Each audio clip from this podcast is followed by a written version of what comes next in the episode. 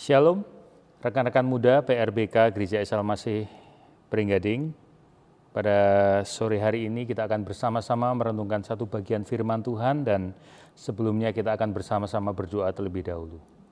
Bapa kami yang di surga, kami bersyukur untuk ibadah kami pada petang hari ini. Biarlah segala pujian penyembahan kami ini boleh berkenan di hadapan Tuhan. Dan pada saat ini kami akan bersama-sama merenungkan kebenaran firman-Mu. Biarlah Roh Kudus menolong kami semua untuk kami boleh mengerti apa yang menjadi kebenaran firman Tuhan bagi kami semua. Terima kasih Tuhan. Kami sambut kebenaran firman Tuhan di dalam nama Tuhan Yesus Kristus. Haleluya. Amin. Puji Tuhan. Firman Tuhan sore hari ini dengan judul dipimpin roh ada di dalam Yohanes 14 ayat 25 sampai 27. Demikian firman Tuhan dalam Injil Yohanes 14 ayat 25 sampai 27. Yesus berkata kepada murid-muridnya, "Semuanya itu kukatakan kepadamu selagi aku berada bersama-sama dengan kamu.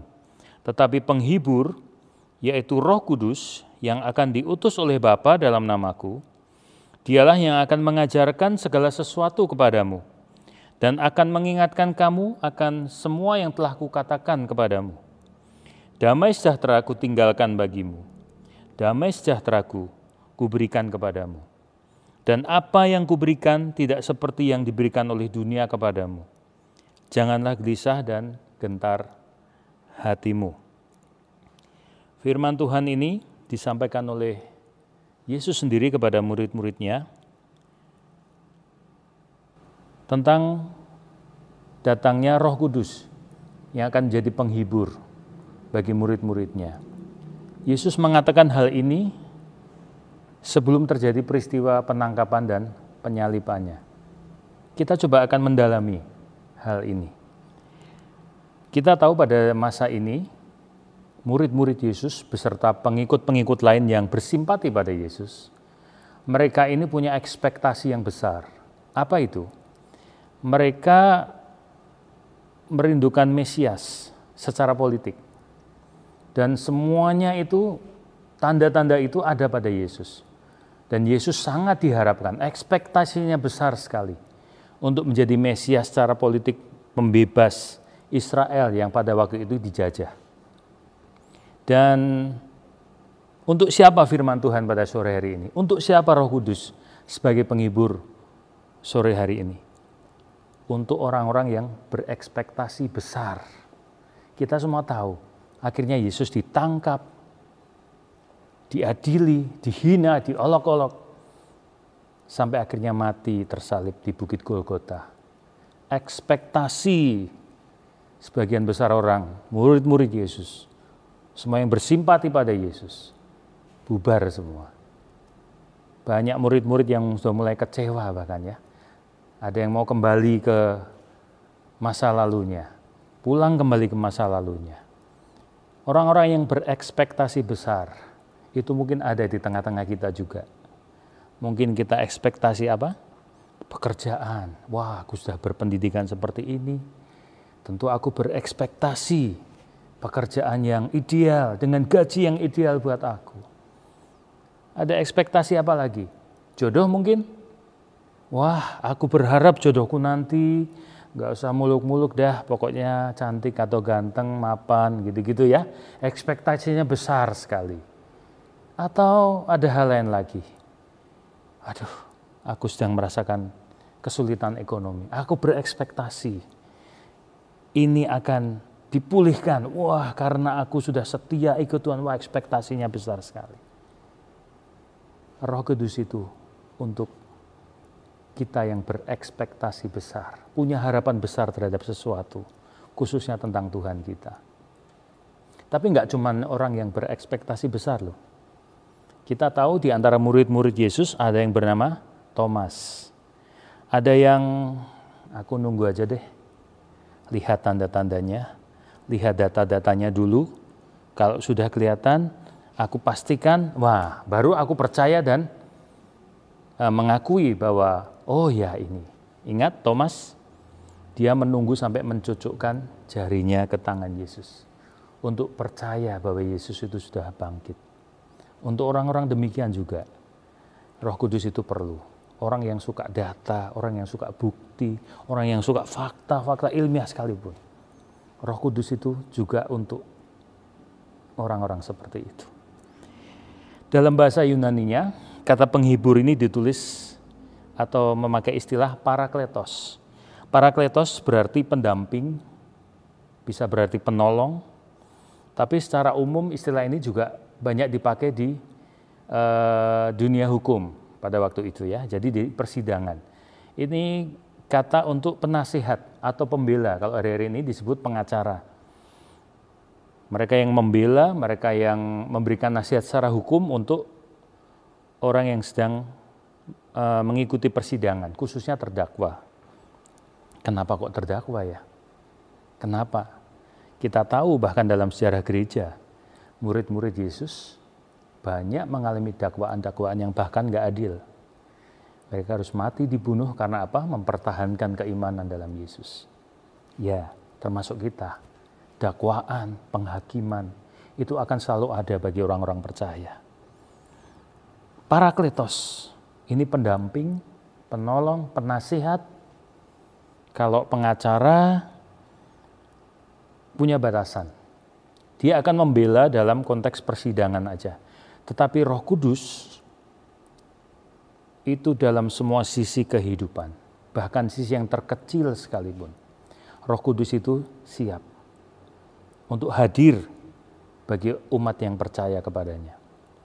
Roh Kudus yang adalah Roh Allah sendiri, yang adalah datang dari Tuhan sendiri, datang dari Bapa sendiri, itu siap untuk keadaan apa pun. Itu penghibur. Penghibur memberikan kenyamanan, penolong memberikan kedamaian bagi yang ditolong, memberikan rasa nyaman, rasa tentram, memberikan uh, nasihat-nasihat yang menguatkan. Itu arti parakletos. Itulah Roh Kudus, Roh Tuhan bagi kita. Lalu Roh Kudus itu diutus untuk apa lagi? Dari firman Tuhan kita lihat tadi, untuk mengajar. Jadi Roh Kudus itu pengajar, bagaikan guru. Dia akan memberikan instruksi atau perintah atau sebuah arahan tertentu. Perintah yang dari Bapa, perintah yang dari Sang Firman yaitu Yesus sendiri. Roh Kudus datang dalam nama Yesus. Itu artinya apa? Seluruh instruksi, perintah, arahan dari Roh Kudus itu terkoneksi secara kuat dengan Yesus. Dan Yesus sendiri berkata apa? Dia menyatakan kedekatan ya Bapa, kalau engkau melihat aku, engkau melihat Bapa. Ya, koneksi yang kuat, Roh Kudus, Yesus, dan Bapa. Jadi segala perintah-perintah, segala arahan yang Roh Kudus berikan, itu enggak akan pernah bertentangan dengan perintah Yesus sendiri. Makanya kita harus memahami ini ini kita harus tahu bahwa e, pribadi Allah di dalam kekristenan ini memang satu dalam tiga atau kita sering mengenal istilah Tritunggal. Ada banyak dakwaan bahkan ya. Kita kembali sedikit ke Parakletos tadi ya. Hari-hari ini mungkin wah Kristen ini menyembah tiga, tiga Tuhan dan sebagainya. Dakwaan-dakwaan semacam itu yang ada dari sekian ratus tahun lalu bahkan sampai sekarang ini dakwaan itu terus ada. Nah, di situ Roh Kudus menjadi penasihat kita, menjadi pengarah kita, memberikan instruksi pada kita. Instruksi apa? Akan kebenaran firman Tuhan. Akan kebenaran Yesus sendiri, yaitu apa? Yesus yang adalah Tuhan, Allah sendiri yang menjelma menjadi manusia. Perintah Yesus itu sangat jelas. Jadikan semua bangsa ini murid Kristus. Ajar. Ya, dibaptis dalam nama Bapa, Anak, dan Roh Kudus. Dibaptis dalam satu nama. Artinya Tuhan kita ini satu. Dalam tiga, yaitu Bapa, Anak, dan Roh Kudus. Roh Kudus ini mengajar dan menyertai. Damai sejahtera ku berikan dan aku akan menyertai dia menjadi pendamping, jadi penolong yang sifatnya kekal. akan menyertai kita sampai akhir zaman ini, sampai akhir hidup kita. Roh Kudus ini setia, menghibur dan mengajar kita semua. Kalau dalam sebuah paduan suara ada pemimpin yang di depan yang bernama konduktor atau dirijen. Dia akan memberikan arahan kepada para penyanyi untuk mengikuti temponya supaya benar, untuk mengikuti dinamikanya, kapan harus keras, kapan harus lembut, kapan harus diam bahkan. Seperti itulah Roh Kudus mengarahkan hidup kita. Kapan kita harus diam? Kapan kita harus berbicara? Kapan kita harus menyanyi bahkan. Ya, itu Roh Kudus. Dia yang mengajar kita. Dan yang ketiga adalah Roh Kudus ini mengingatkan kita. Nah, sebelum kita bahas lebih dalam, ada hal yang menarik. Otak manusia ini salah satu fungsinya adalah menyimpan memori. Dan bagian otak manusia yang menyimpan memori itu disebut hipokampus. Hipokampus merupakan bagian dari sistem limbik, yaitu pusat kendali reaksi emosional. Emosi kita ada di kepala ternyata. Seringkali kan hati saya, nah ini sebenarnya ada di hipokampus kita. Bagian kecil di otak kita ini. Nah fungsi utama hipokampus adalah untuk mengolah memori dan jenis memori yang melibatkan hal-hal yang sengaja untuk diingat seperti fakta atau peristiwa tertentu yang melibatkan apa? emosi. Melibatkan emosi. Roh Kudus ini Roh Kudus itu bertugas mengingatkan kita, mengingatkan para murid akan kebenaran firman. Akan apa? Kebenaran Yesus sendiri. Semuanya mengarah ke sana. Apa yang diingatkan adalah firman Tuhan. Kalau kita adalah orang yang suka membaca firman Tuhan tiap hari, baca terus, baca terus, baca terus, renungkan, meditasikan, sampai itu masuk jadi memori kita. Ketika kita mendengarkan khotbah seperti ini, firman Tuhan dibagikan. Kita akan mendapatkan kebenaran firman Tuhan, kita merasakan firman itu menjamah hati kita. Itu masuk dalam memori kita. Dan suatu saat, suatu saat dalam peristiwa apa pun, Roh Kudus akan mengingatkan itu. Setiap firman Tuhan yang merasuk dalam hidup kita, menjadi memori kita, dan kita bisa rasakan secara emosional kita tangkap secara uh, roh membangun kerohanian kita. Maka suatu saat dalam situasi tertentu Roh Kudus akan mengingatkan itu pada kita. Roh Kudus akan terus mengingatkan bahwa ada Tuhan yang begitu luar biasa pencipta langit dan bumi. Ini mengasihi, mengasihi. Bahkan dia rela apa? Menjadi sama dengan manusia, itu akan Roh Kudus terus ingatkan. Karena semua kembalinya di sana. Yaitu apa? Supaya semua bangsa ini jadi muridnya. Supaya semuanya ini dibaptis. Ini bukan soal ritual keagamaan. Supaya semua mengalami pemulihan. Supaya semua mengalami pertobatan. Dari kehidupan lama menjadi kehidupan baru dari cara pandang lama menjadi cara pandang baru. Cara pandang ilahi. Dari yang tadinya pemarah, diubahkan lewat kebenaran firman yang diurapi oleh roh kudus.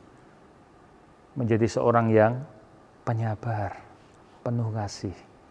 Semua perlu proses dan dalam proses itu Roh Kudus akan terus mengingatkan kita. Roh Kudus akan terus mengingatkan kita. Itu itulah pribadi Tuhan yang menyertai kita. Maka ketika murid-murid Yesus mengalami kekecewaan ketika Yesus disalib, mati, ekspektasinya nggak sesuai dengan kenyataan. Mereka ada yang mulai berbalik. Kalau kita ingat sebuah peristiwa, ada seorang murid yang berbalik lagi ke Emmaus. Roh Tuhan hadir di sana roh Tuhan hadir di sana. Ya. Yesus sendiri hadir. Waktu itu memang belum ada uh, roh kudus ya, jadi memang Tuhan yang sudah bangkit, Yesus yang sudah bangkit. Tapi seperti itu nantinya tugas roh kudus. mereka diingatkan. Ketika mereka hidup ini terasa gelap, nggak ada pengharapan. Kedua murid yang berbalik ke Emmaus itu diingatkan lagi akan kebenaran firman Tuhan. Dan mereka bangkit. Yang tadinya mau balik ke hidup lama, balik lagi ke Yerusalem atau apa? Mengarahkan pandangannya kepada Tuhan lagi dan memiliki semangat, memiliki pengharapan lagi di dalam Yesus. Ketika Roh Kudus mengingatkan kita, seperti dalam Yohanes pasal yang ketujuh, maka akan ada aliran air hidup yang keluar dari hati kita. Kalau dalam keilmuan tadi ya, dalam hipokampus itu ya, dalam memori itu akan keluar dalam kehidupan orang percaya. Nah, sebagai kesimpulan Bagaimana sih orang yang hidup dipimpin oleh Roh Kudus? Orang yang dipenuhi atau dipimpin oleh Roh Kudus berarti Roh Kudus itu manunggal dalam roh kita. Roh kita ini kan datangnya dari Allah sendiri. Nah, ketika hidup kita dipimpin oleh Roh Kudus, Roh Kudus dan roh kita ini menyatu. Manunggal berarti apa? Luluh bercampur jadi satu. Kalau dalam Alkitab Perjanjian Baru, itu bahasa aslinya adalah bahasa Yunani. Kata roh itu ditulis dengan istilah pneuma. Tapi di dalam bahasa Yunani kata pneuma ini kita sebetulnya nggak ngerti. Pneuma yang kalau dalam bahasa Indonesia kan ada kalau roh Tuhan R-nya besar, kalau roh manusia R-nya kecil. Nah dalam Alkitab Perjanjian Baru khususnya di surat Roma itu ya banyak bicara tentang roh Tuhan, roh kita, roh Tuhan, roh kita. Kata pneuma di situ ditulis pneuma aja tanpa ada huruf besar, huruf kecil. Artinya apa? Roh Tuhan dan roh kita itu manunggal harusnya.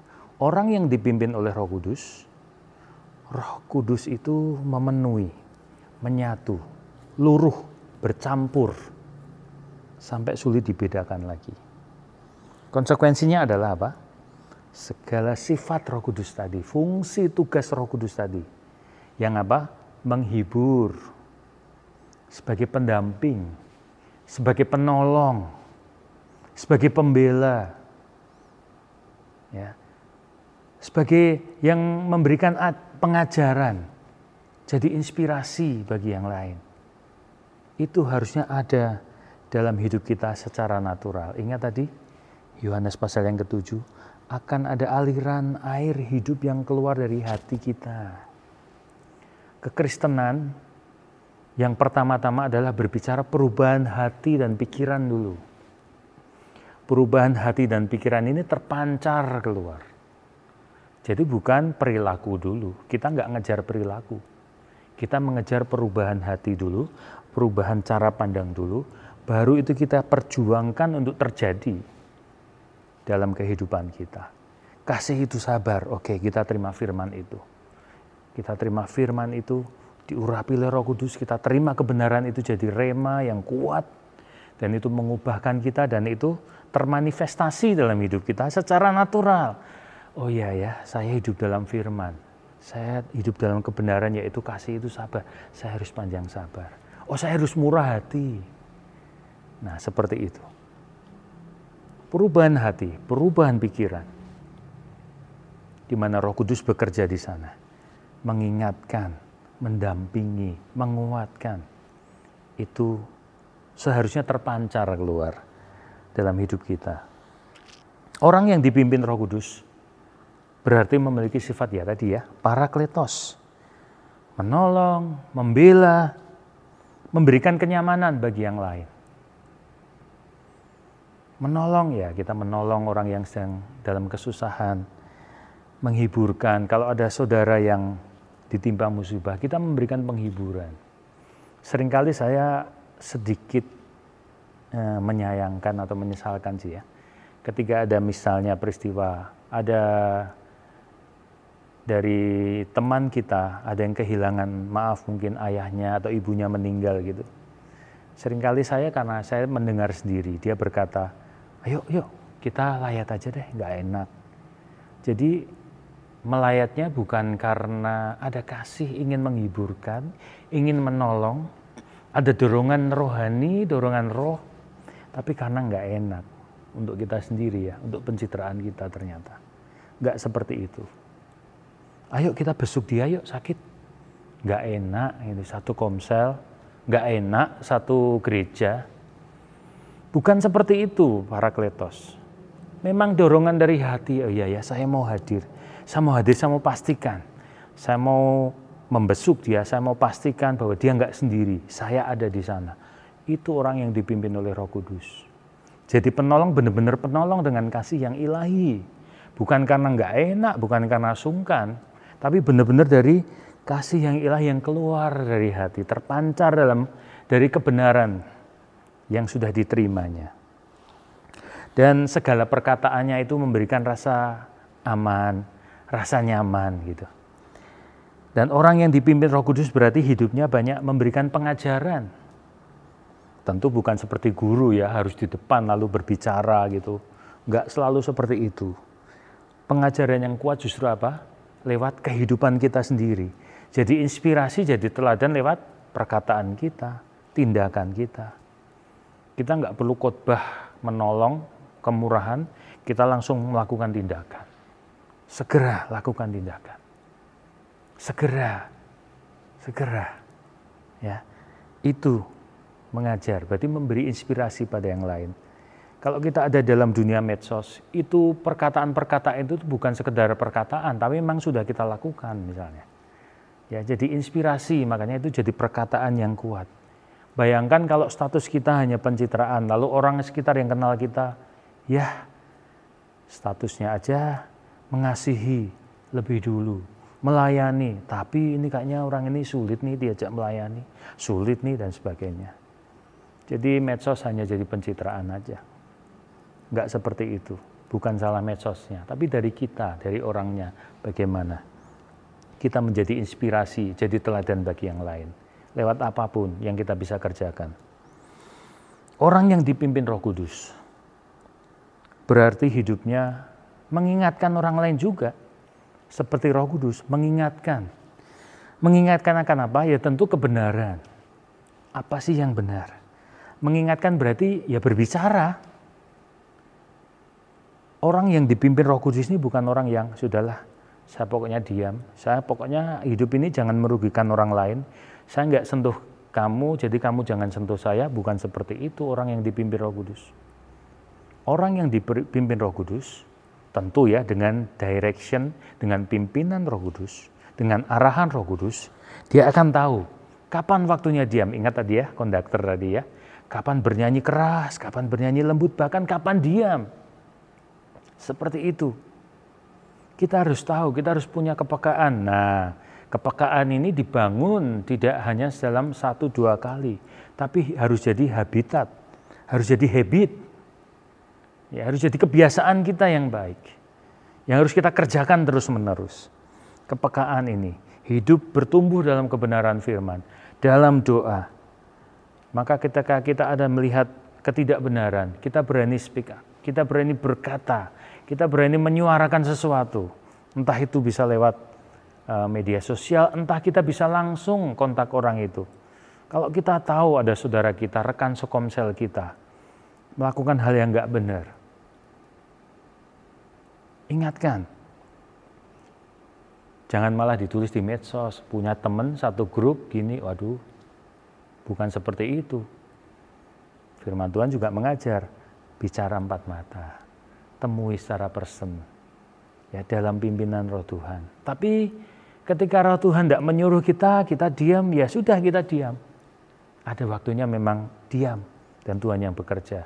Tapi ingat tidak selalu diam, tidak selalu berbicara ketika Paulus mengalami persekusi yang luar biasa di Roma.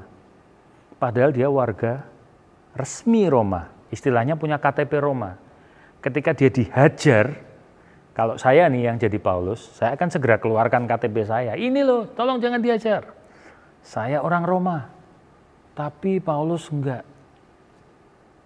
Paulus diem aja.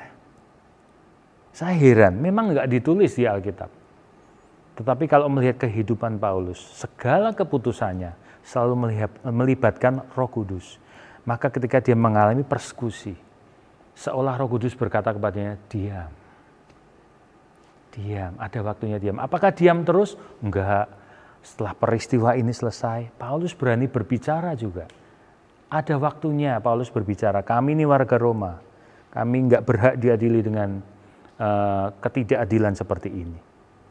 Wah, takut itu para pembesar. Jadi nggak selalu harus diam, nggak selalu harus berbicara juga. Roh Kudus akan menuntun kita. Kapan waktunya diam, kapan waktunya kita berbicara. Sesuai dengan apa? Kebenaran firman Tuhan. Ingat, kembalinya ke kebenaran Yesus Kristus itu sendiri. Sang firman itu Yesus sendiri. Kebenaran Yesus itu seperti apa? Dan bukan kebenaran kita sendiri. Mari kita semua benar-benar memiliki kehidupan yang dipimpin oleh Roh Kudus. Menjadi penghibur bagi sesama kita, bagi saudara-saudara kita. Menjadi pengajar, jadi inspirasi, jadi teladan untuk sesama kita. Mengingatkan saudara-saudara kita yang kehidupannya tidak sesuai dengan kebenaran. Dan kita membangun kepekaan kita. Kita jadi mengerti kapan harus diam, kapan harus berbicara. Bangun kepekaan itu, jadikan kebiasaan. Bertumbuh dalam pembacaan firman, berdoa, dan rasakan roh kudus itu menjadi penolong bagi kita. Dan kita hadir menjadi orang yang dipimpin oleh roh kudus. Amin. Mari kita berdoa. Kami mengucap syukur Tuhan Petang hari ini engkau berfirman pada setiap kami semua. Dan engkau roh kudus, engkau ini roh yang menghibur, engkau roh yang mengajar, dan engkau roh yang mengingatkan. Biarlah sifat-sifatmu itu juga ada dalam kami semua Tuhan. Ketika kehidupan kami menjadi kehidupan yang dipimpin oleh roh, maka kami menjadi penghibur bagi yang lain. Maka kami jadi pengajar, jadi inspirasi bagi yang lain. Maka kami akan mengingatkan yang lain sesuai dengan pimpinanmu. Dan Tuhan, bawa kami semakin hari semakin mengerti apa yang menjadi kehendakmu. Kehendak rohmu ya Tuhan. Terima kasih Tuhan. Kami ucap syukur di dalam nama Tuhan Yesus Kristus. Kami sudah berdoa, haleluya. Amin.